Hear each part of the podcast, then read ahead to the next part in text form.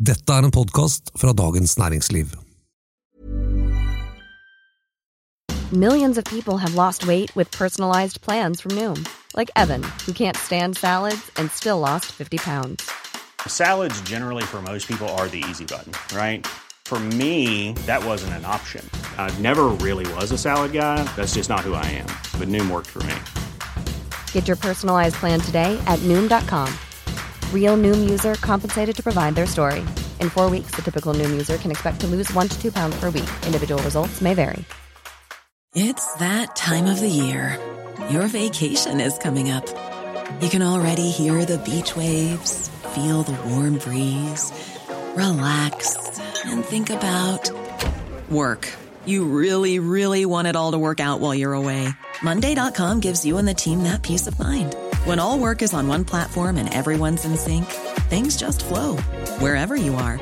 Tap the banner to go to Monday.com. Hey, I'm Ryan Reynolds. Recently, I asked Mint Mobile's legal team if big wireless companies are allowed to raise prices due to inflation. They said yes. And then when I asked if raising prices technically violates those onerous two year contracts, they said, What the f are you talking about, you insane Hollywood ass? So to recap, we're cutting the price of Mint Unlimited from $30 a month to just $15 a month. Give it a try at mintmobile.com slash switch. $45 upfront for three months plus taxes and fees. Promo for new customers for limited time. Unlimited more than 40 gigabytes per month. Slows. Full terms at mintmobile.com. Ettervekst i Høyre handler om mer enn Monica Mælands koronafrisyre. Men når skal Erna Solberg egentlig gi seg? Og denne uken kom det en rapport som burde skape alvorlig hodebry for oljenasjonen Norge. Dette er den politiske situasjonen. Som er en podkast fra Dagens Næringsliv med Eva Grinde og meg, Fridtjof Jacobsen.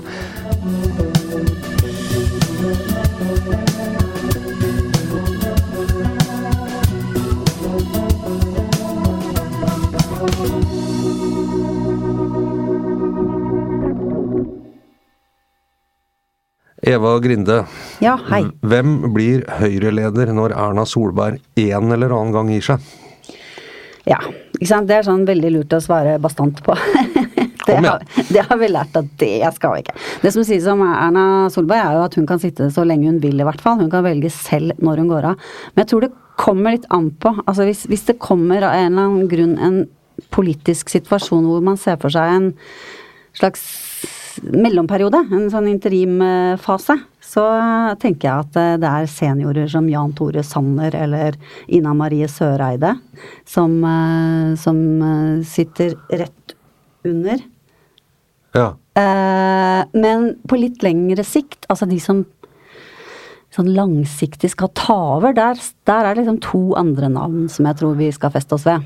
Men interimperiode, hva mener du med det? Er det Nei, jeg mener eh, Altså hvis man ikke Hvis det kommer en eh, Ja, hvis Erna Solberg vil eh, av en eller annen grunn trekke seg rett før et valg eller noe sånt, da, og at noen må ta over, at det er, at det er en eller annen eh, ikke, altså at det er en sånn litt utenforliggende grunn til at hun må trekke seg, sånn at man kjapt må finne en ny leder. en ikke sånn kons- konstituert partileder? slags konstituert, en? Ja. konstituert, Ja, da, men eh, sånn som man må gjøre for en kort periode, så tenker jeg at eh, det går i hvert fall an å tenke seg at da er det noen eh, som sitter veldig løst i stolen og som er klare for den oppgaven, men så på litt lengre sikt så tenker jeg mer eh, rising stars som eh, Tina Bru og Henrik Asheim syns jeg utmerker seg Ja. som liksom generasjon to i Høyre.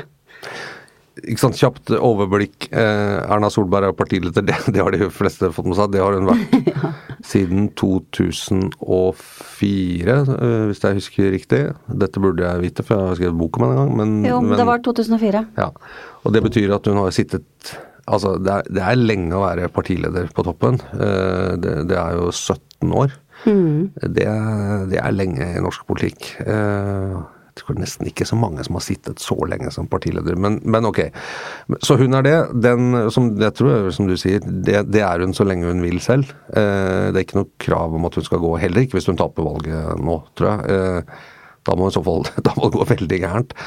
Eh, og så er det to nestledere per dag, Tina Bru og, og Jan Tore Sanner.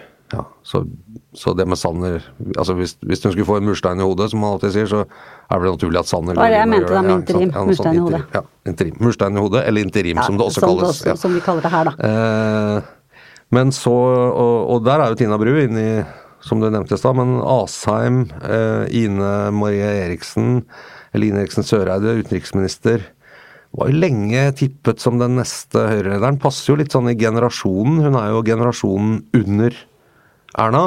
Mens Tina Bru og Asheim er jo generasjonen under det igjen. Ja, i hvert fall. Ja, litt, kommer litt an på hva man Politisk generasjon, da. Ja, jo, jo, jo politisk generasjon. Ja, ja, ja.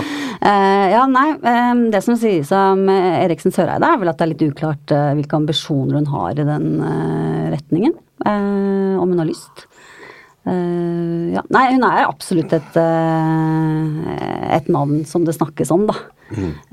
Men det som jeg syns var litt For det Høyre har jo da siden sist vi snakket her i poden, så har jo de hatt landsmøte. Mm.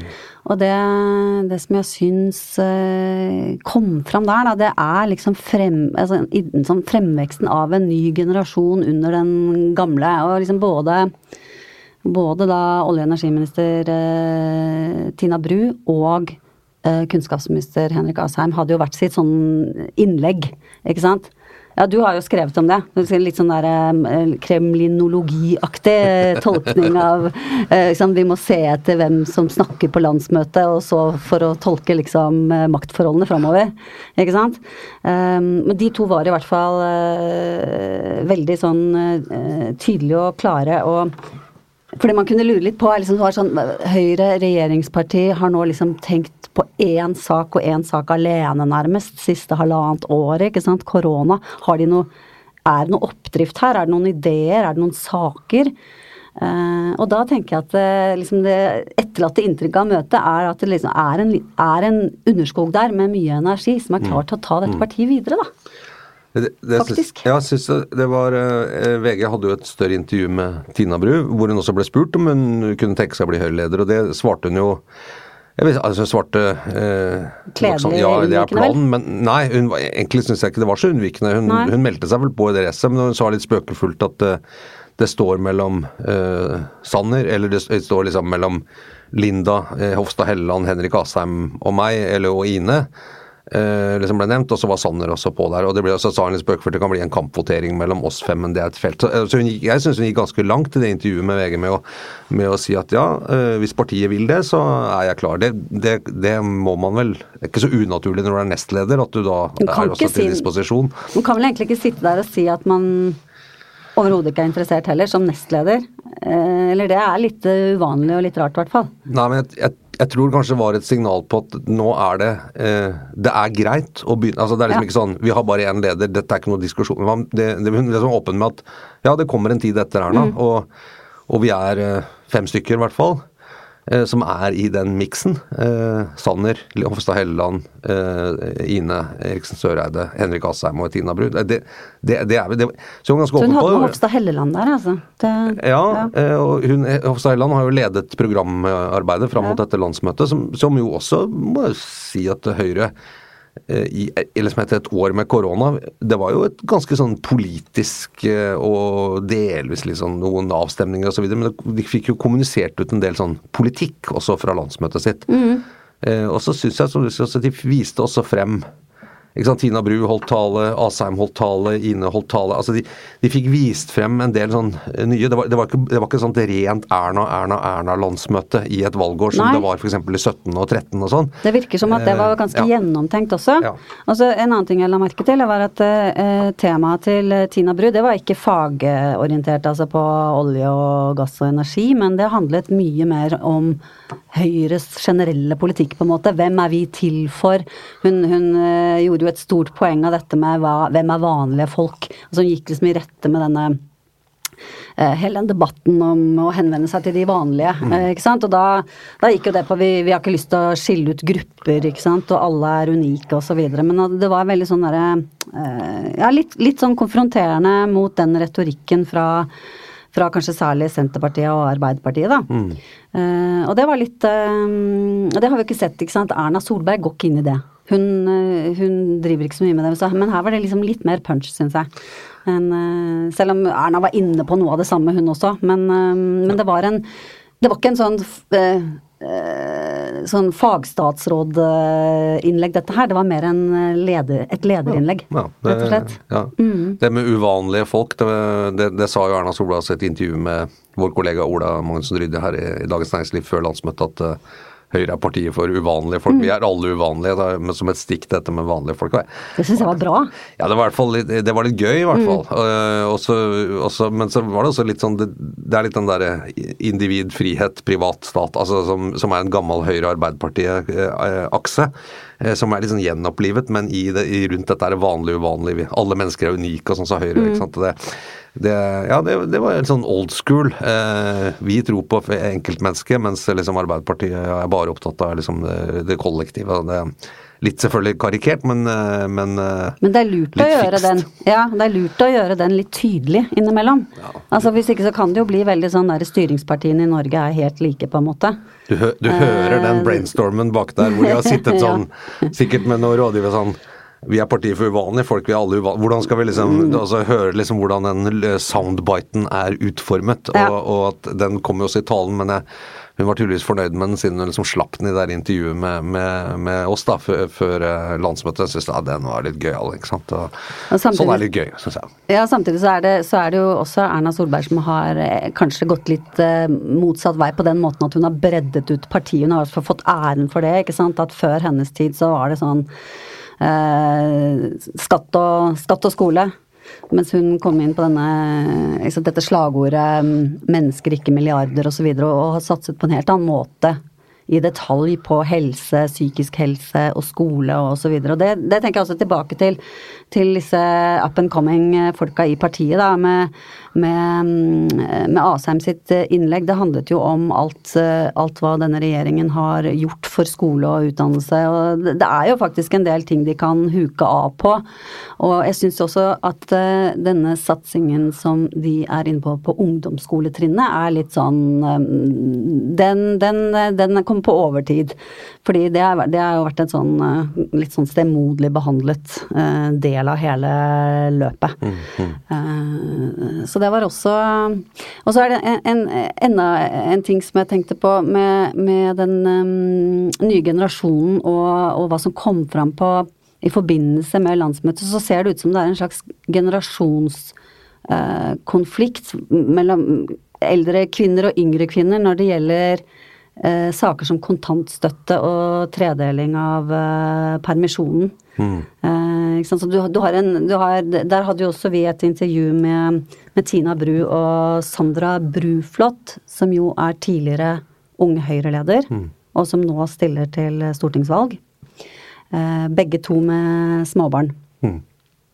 Eh, om, for de gikk jo veldig inn for dette å gjøre om kontantstøtten til eh, en ventestøtte. Eh, før, fordi det er et sånt gap eh, før man får barnehageplass. Ja, ja. På grunn av når på året man er født osv. Den Ja, saken der. ja, alle som har fått barn i desember vet det. Ikke sant? At du må ofte vente helt til august før du får den Ja. barnehageplassen selv. Og så barnet blir jo halvannet år og så videre. Ja, ikke sant? Ja. Som kan jo være plagsomt hvis du, hvis Ja. du er veldig avhengig av den plassen i Ja. det ha- halve året der. Mm. Men den, der var jo Erna dette, Den endringen der var ikke Erna for, da. Og flere andre eldre kvinner i partiet også. Og det samme gjaldt eh, dette med med Jeg tror eh, jo de vedtok å justere på inndelingen og delingen av permisjonen, men der var også de yngre I hvert fall Tina Bru gikk i, i bresjen for det å bevare den tredelingen, da. Og da er det jo sånn at, eh, at man tvinger far til å ta en ganske stor del av foreldrepermisjonen, ikke sant. ja. Fordi at en, en hel tredjedel eh, eh, faller bort hvis han ikke, hvis han ikke tar den. Nettopp. nettopp. Eh, og det er litt radikalt for eh, konservative eh, Ja, for Ja. en del konservative og sånt. Ja, jo- som er glad i familien og Ja, luk- privatlivet. Lukter jo også litt taktisk spill her med KrF. Eh, ikke sant? At, at Erna og de andre ved å gå mot det på en måte kommuniserer at eh, ja da, Høyres landsmøte har vedtatt det, men, eh, men kjære KrF, dere skal få beholde kontantstøtten og så, så, så da, slapp av. Det er, vi forhandler vekk dette standpunktet eh, hvis dere fortsatt vil være med oss. Jeg, jeg tror så lenge man vi må ha med KrF, så, så kan man ikke fjerne den kontantstøtten. Det, det, det tror jeg ikke noen partier kan, faktisk. Det kommer de vel ikke til å gjøre heller. Altså, de kommer vel til å gi fra seg den som en av de første tingene i mulige forhandlinger, hvis det blir. Den ser det jo ikke Ja, den- helt ut som det.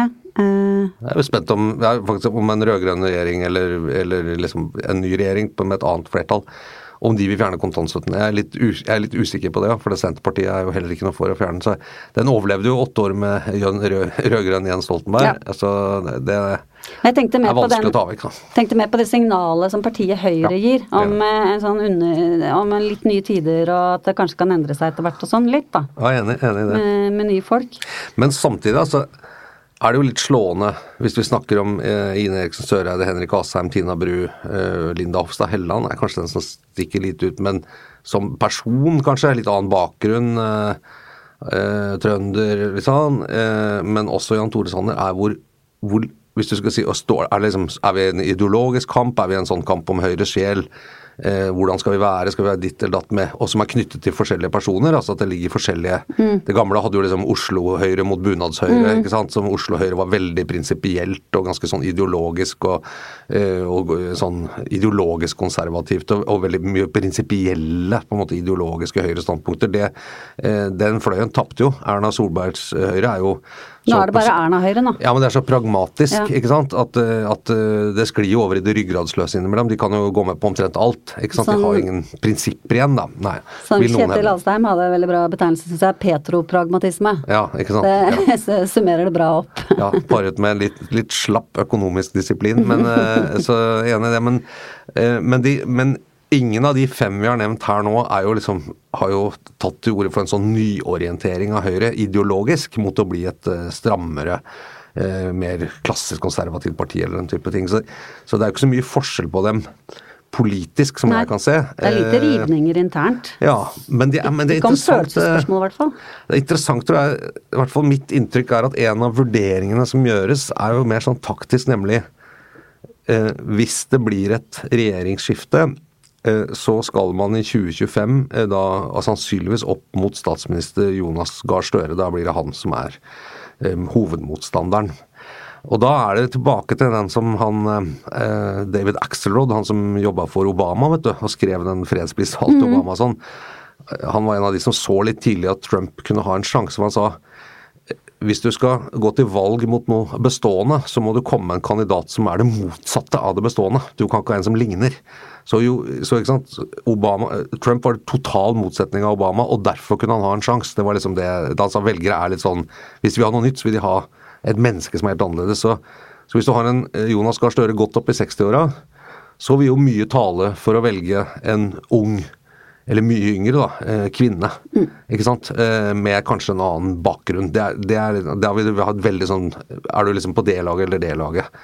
Eh, Men hvis hvis eh, Jonas Gahr Støre skulle tape dette valget, og du får en ny yngre partileder, eh, ja, Hadia Tajik eller en av de yngre generasjonene i Arbeiderpartiet, så, så er det noen som sier da kan det være en fordel for Høyre å beholde Erna Solberg. Nettopp for å si at da går vi til valg på rutine, soliditet som frem og tilbake, mens de er unge og uerfarne. Men, Men jeg tror Sanner sånn, kunne ha samme funksjon Ja, da, kanskje, kanskje. ja. Altså som det der solide, ikke sant, stø kurs-signalet. Men det er, ikke sant, Dette er jo en sånn Det, var en som sa det til meg, og hadde jo litt Jeg tenkte sånn åh, ikke sant, Av og til så tenker politikere De tenker på måter som ikke vi kan tenke oss. Mm. Skjønner du hva jeg mener? At det er sånn Ok, så det er liksom det også spiller inn. Altså sånn Samtidig så- Hvilket landskap skal vi konkurrere i, på en måte? Mm. Ja.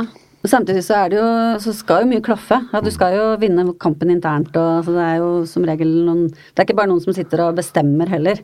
At øh, nå Ikke sant? Nei, nei. Du ikke, det er ikke sånn seminaravgjørelse heller, hvem som overtar. Nei, du Men det kan være Man må bli enige om uh, å se at det er lurt, da, på en måte. Ja, må jo jobbe i fylker. Må, er Mm. viktigste jobben er jo å jobbe i partiet. For det er jo de som velger deg. Det er jo ikke liksom eh, offentligheten rundt og hvem som er mest populær. Det er jo eh, Altså, det er jo, det er jo Ja. Så jeg er litt spent. Jeg tror, tror eh, i hvert fall noen hevder at den reelle fighten nå, da, faktisk, og det er litt oppsiktsvekkende ved at de da hopper over på en måte generasjonen til eh, Linda Hofstad Helleland og, og Ine. Eh, Eriksen Søreide, det, det er at den står mellom Bru og Asheim. Det, er liksom, det blir en av de to eh, som er Du har sagt for lenge siden, Fridtjof! Ja, men de har en podka, hatt en podkast sammen, med den stortingsrestauranten og alt det der, men eh, Det er den nye vinen. ja, og, og de kan vel leve med å tape for hverandre, kanskje, begge to også, men, eh, men jeg tror kanskje han Asheim skal ikke undervurderes. Hvis du ser Tina Bru har gjort det bra som olje- og energiminister, men han har jo da vært innom flere forskjellige statsrådsposter, eh, sånn som vikar når folk har hatt pappaperm eller mammaperm og sånne ting. Han har ledet finanskomiteen. Han var også veldig involvert i programarbeidet sammen med Linda Hofstad Helleland. Eh, Så han har liksom han, eh, Altså, CV-en på en måte er litt sånn partileder-CV, hvis du skjønner. Ja, absolutt. Det er vel Og så har han vært leder i to veldig sterke navn. Ja, og de er flinke til å Altså hvis man ser på hvem som har vært, vært leder av Unge Høyre, så er det veldig mange av dem som har blitt sentrale. Veldig sentrale. Ja. Framskutte eh, politikere i Høyre etter hvert. Så de er jo flinke til å bruke det som en sånn uh, stepping stone. Men jeg har bare lyst til å nevne én person til som jeg tror har en høy stjerne, og som vi kan komme til å høre mer om, det er hun Sandra Bruflot, som nå eh, blir snakket veldig opp av, av folk i partiet. Eh, hun er jo 8 eller 29, tror jeg. Eh, og har blitt, så vidt jeg har skjønt, ganske sånn overtalt til å stille til Stortinget. Eller vært selvfølgelig villet det etter hvert, da, men har vært litt usikker. Hun fikk jo en ganske sånn røff start på en måte på sin eh, politiske karriere som nestleder i Høyre. Unge Høyre. Unge, ja, unge Høyre. Ja. Da, da Christian Tonning eh, Riise jo fikk eh, alle disse varslene mot seg og ja, måtte gå av, og hun måtte ta over for en, en leder som da lå nede. Ja. ja, og håndtere en veldig krevende sak, selvfølgelig. Ja. Mm. Utrolig vanskelig sak å, å håndtere, og den eh, En av de tingene som sto igjen etter var, det, var, det var jo selvfølgelig at, at Unge Høyre ikke hadde tatt tak i dette på en god måte, og det, det, det erkjente hun jo også. sånn at det som også kom fram, var en veldig sånn åpenhet, syns jeg. Altså det var eh, sånn eh, eh, ganske eh, tøff situasjon å sitte i og for et eh, samlet pressekorps og snakke om hvordan man selv har gjort feil, og en så, så betente saker, ikke sant. Og så en annen veldig sånn interessant aspekt av det der var jo også at, det, at den, eh, ikke sant, i et ungdomsparti så er man jo så er man jo også veldig sånn sammensveiset som regel, da. Ikke sant. Sånn vennegjengaktig. Ikke sant? Man er mye sammen ellers også, sånn at det ble veldig vanskelig for folk å varsle til henne og om ham. Fordi at de fremsto som sånn team og alt dette. ikke sant? Det var jo krasjinnføring for henne i håndtering av vanskelige saker, og det gikk ikke så aller verst. da. Nei. Og nå er hun liksom ja, så var hun to år eh, leder i Unge Høyre, og så ble det vel litt uh, mye familie plutselig og sånn, og så, hun slutta med det, men nå er hun altså på vei tilbake igjen, og veldig mange som fester håp til henne, da. Det litt- det blir spennende. Det er generasjonen under, Ja, ja, ikke sant. Det er, mm. og det er egentlig en liten digresjon, men, men det, hvis man ser på listen over Unge Høyres ledere liksom litt bakover nå, så er det, sant, så er det eh, ganske mange av dem som har tatt skri, skrittet videre og blitt, eh, kommet ganske høyt opp i Høyre.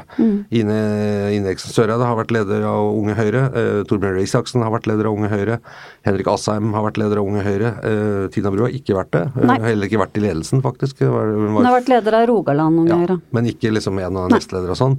Eh, og nå da Sandra Burflot, som du sier, ikke sant. Eh, noen har forlatt politikken. Paul Joakim Sandøy eh, ble advokat. Og, og Kristian Tonning Riise, ja det, det kjenner vi jo til.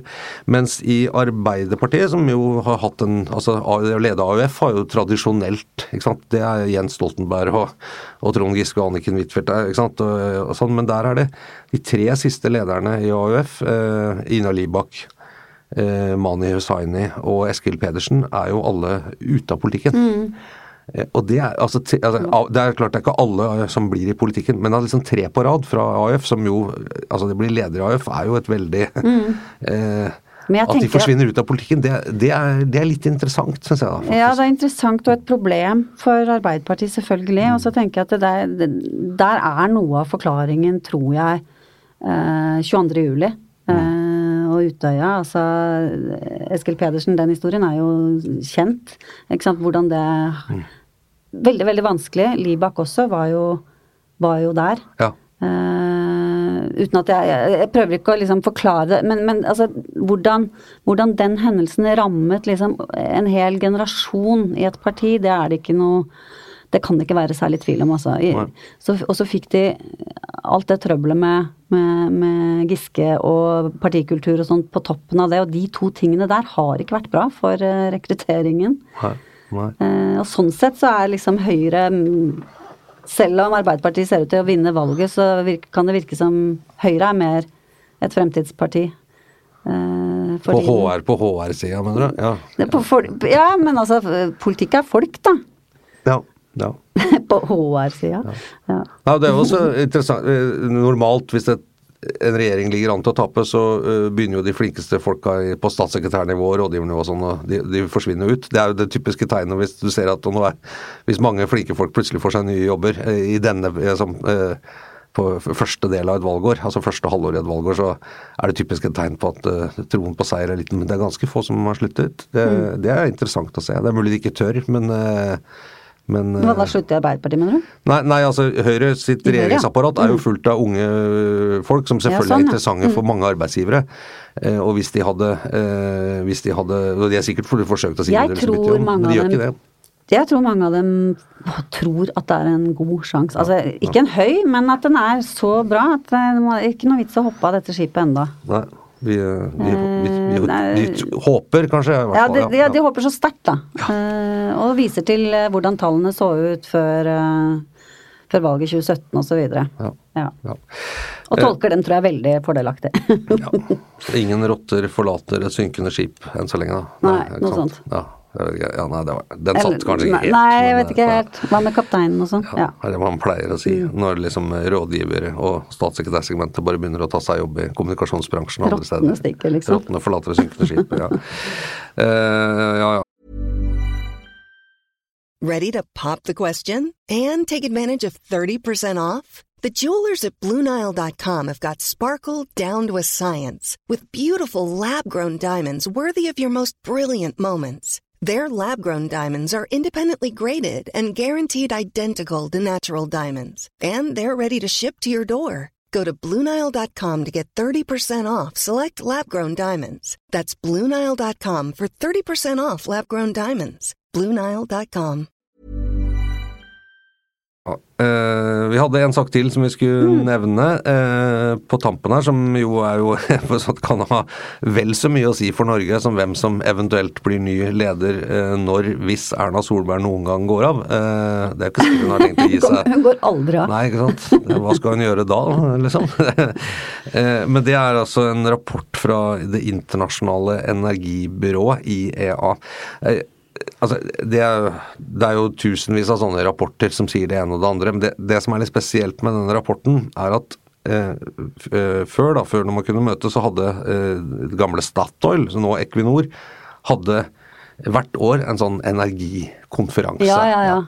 Og, og da, da feiret de IEA. Ja, I Det Norske Teater. Og så var det konsert på kvelden og sånn. Og da kom han en som het Fatih Birol, mm. sjefen for IEA, og så viste han en sånn eh, Energy Outlook, uh, som var ganske respektert.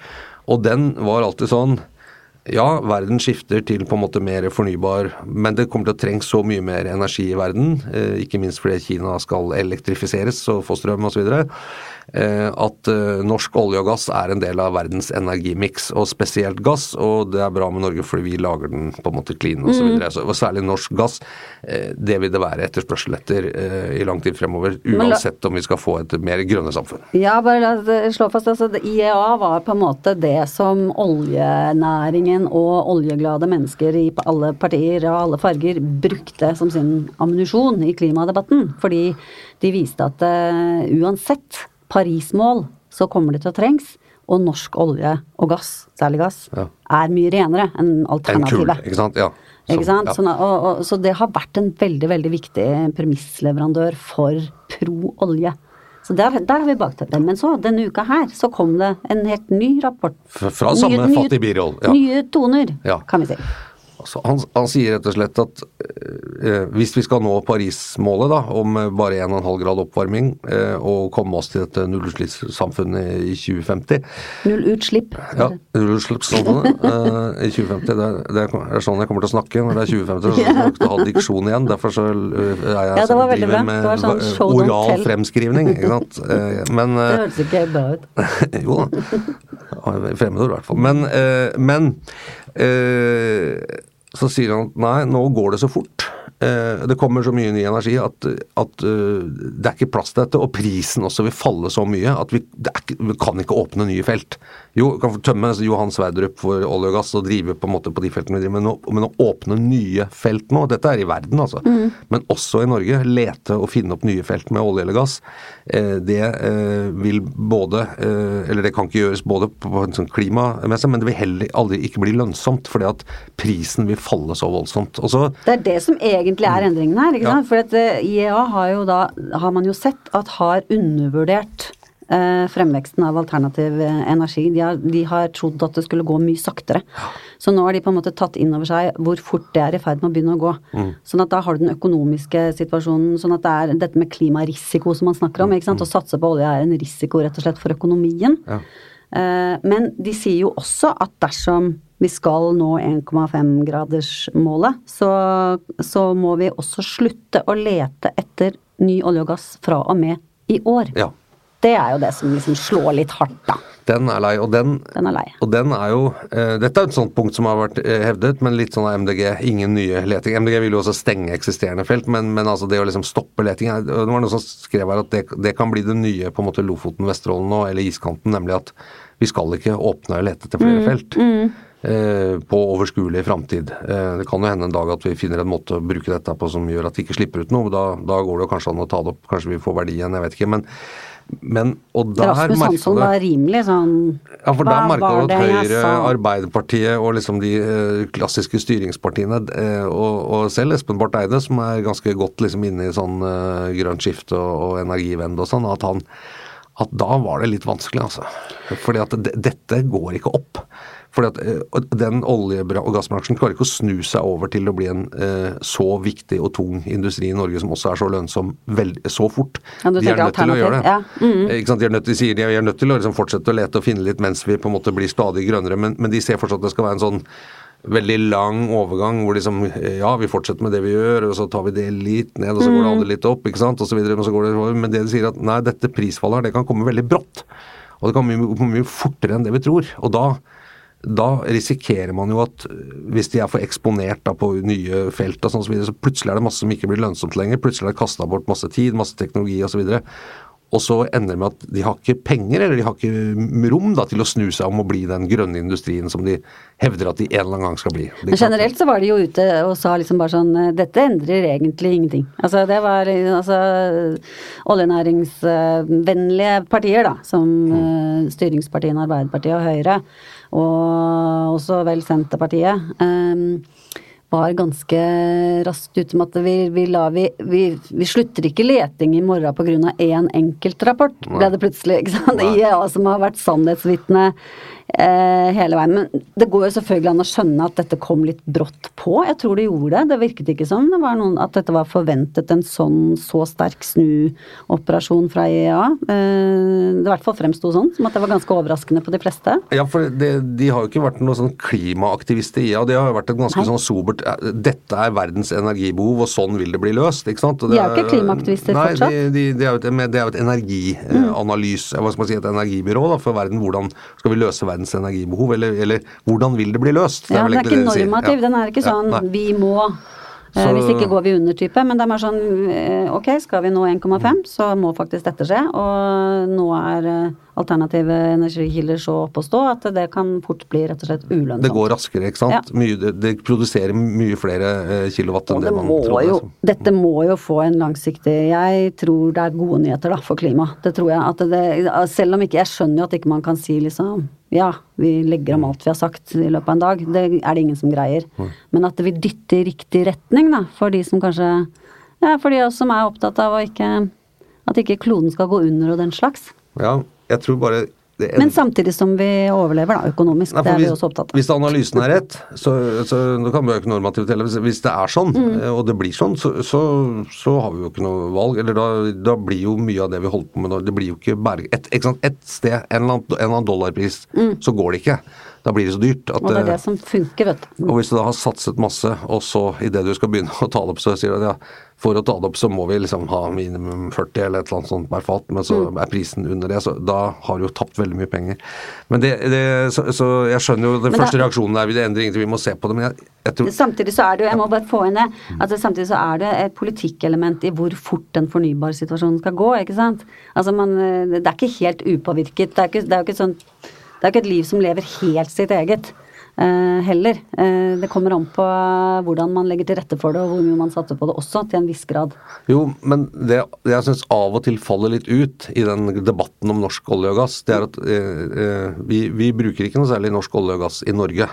Nei, For vi har så mye vannkraft. Ja, så, så verdien og sånn, om dette her er, funker og er lønnsomt, og sånn, det er langt utenfor vår kontroll. Det er verden som bestemmer det. Liksom det globale energimarkedet. Av og til så får man inntrykk av at det er Norge som på en måte skal avgjøre om vi skal bruke olje og gass eller strøm. og sånn. Vi har ingen, vi har ikke noen innvirkning på det. Nei. Og hvis det endrer seg så fort som han Birol sier, ja, så, så må vi jo forholde oss til virkeligheten, uansett om vi skulle ønske at det ikke var sånn. Da hjelper det ikke om Fremskrittspartiet og sånn sier at det er en stolt oljearbeider og vi syns verden burde bruke olje og gass. Hvis ikke de vil ha det så til en pris som er lønnsom for oss, så ja, Og det syns jeg av og til det aspektet faller litt ut i debatten. Akkurat som man snakker som om vi kan bestemme eh, hva slags energi verden ønsker, eller hva slags energiformer hver verden ønsker å bruke. Det som han peker på, Birol, er å si at både utviklingen Kostnadene ved, fornybar, kostnadene ved fornybar energi er på vei ned. Utviklingen teknologien går mye fortere enn det man klarte å se for seg før. Og det gjør jo noe med hele markedet. Det er det det gjør, det er når, når man ikke har noen kjøpere, så begynner det å hjelpe. Da kan vi begynne å håpe på eh, at man virkelig ser seg om etter nye ting å tjene penger på. Markedet er jo veldig effektivt. Det er jo det. Ja, markedet er effektivt. Det er, nå- det vi, vi, skal vi ikke avslutte med de ordene? Jo, markedet er effektivt. Du har hørt en podkast fra Dagens Næringsliv hvis du var i tvil om det. Eh, den heter Den politiske situasjonen. Eh, for dere som hører på, eh, så blir vi veldig takknemlige hvis dere eh, sprer ordet, eh, eller lyden, eller hva man skal si, eh, til andre. Hvis dere liker det dere hører og syns at flere burde høre på dette, eh, så lik og del, som det heter. Og gjerne også abonner på podkasten hvis ikke du gjør det ved å trykke på den riktige knappen din, hos din podkastleverandør. Eh, det var alt for denne uken. Nå er det pinse, eh, og vi er tilbake neste uke. Produsent for den politiske situasjonen heter Oskar Bremer. Takk for nå.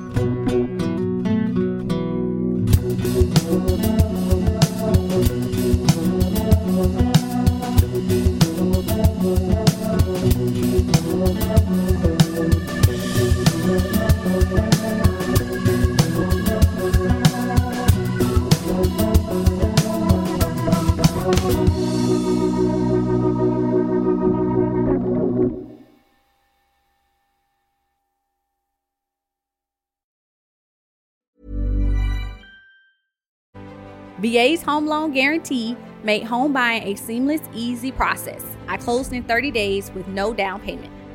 Get what you earned. Visit choose.va.gov. Not all veterans are eligible for the type or amount of benefits mentioned here. ACAST powers the world's best podcasts. Here's a show that we recommend. Hi, I'm Jesse Cruikshank. Jesse Cruikshank.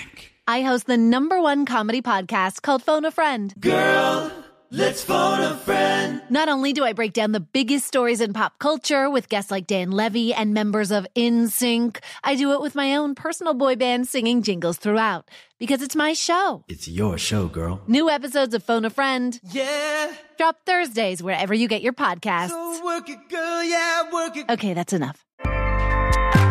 ACAST helps creators launch, grow, and monetize their podcasts everywhere. ACAST.com. Du har nå hørt en podkast fra Dagens Næringsliv.